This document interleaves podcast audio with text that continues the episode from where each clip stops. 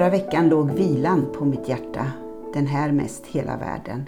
Eller det stora i att vara en del av den världsvida kyrkan.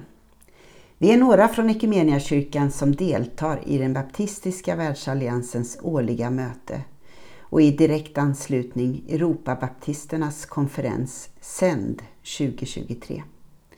Samtidigt är min kollega, kyrkoledare Lasse, i Wien för en konferens till lika 50-årsjubileum för organisationen Communion of Protestantic Churches in Europe, CPCE.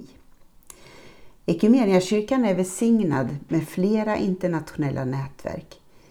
Delvis på grund av vår förhistoria och våra bildarsamfunds relationer. Ibland ser vi det som ett problem, men det går också att se som en välsignelse. Vi har många vänner i kristenheten som hjälper oss att orientera i uppdraget att vara kyrka i världen.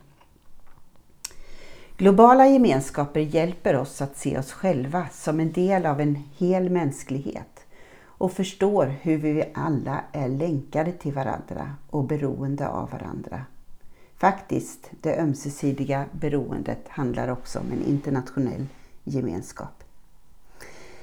När tidigare ärkebiskop i Svenska kyrkan, Nathan Söderblom, bjöd in världens kyrkor till Stockholm 1925 var det med en stor vilja och tro på att vara fredsskapande. Han ville att om kyrkorna möts så kan vi förhindra krig. I de internationella mötesplatserna för kyrkor och för all del andra internationella organisationer möts människor från länder som är i konflikt med varandra, vilket är utmanande och stort och nödvändigt. De möts för att det finns annat som förenar oss som människor än ett lands gränser.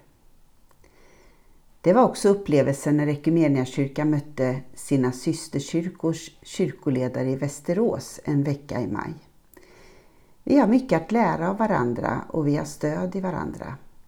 Vi är ett vi i världen.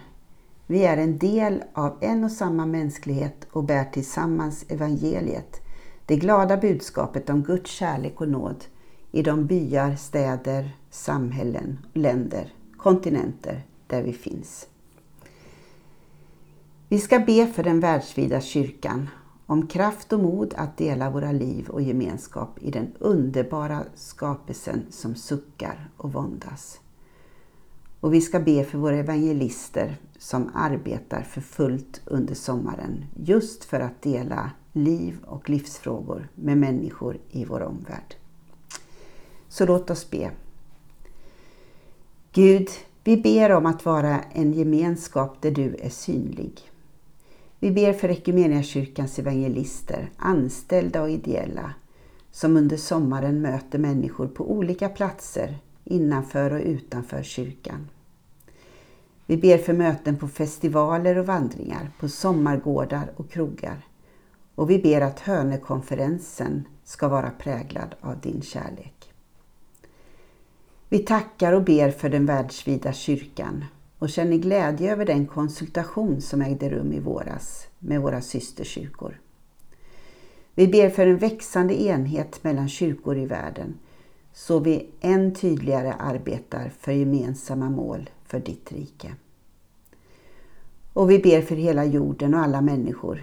Idag särskilt för de som drabbas av klimatförändringarnas konsekvenser. Där det är för varmt, för torrt, för mycket vatten och där det brinner. Herre, förbarma dig. Låt det som sker hjälpa oss alla till omvändelse från det som skadar skapelsen. I Jesu Kristi namn. Amen. Så önskar jag dig en välsignad dag.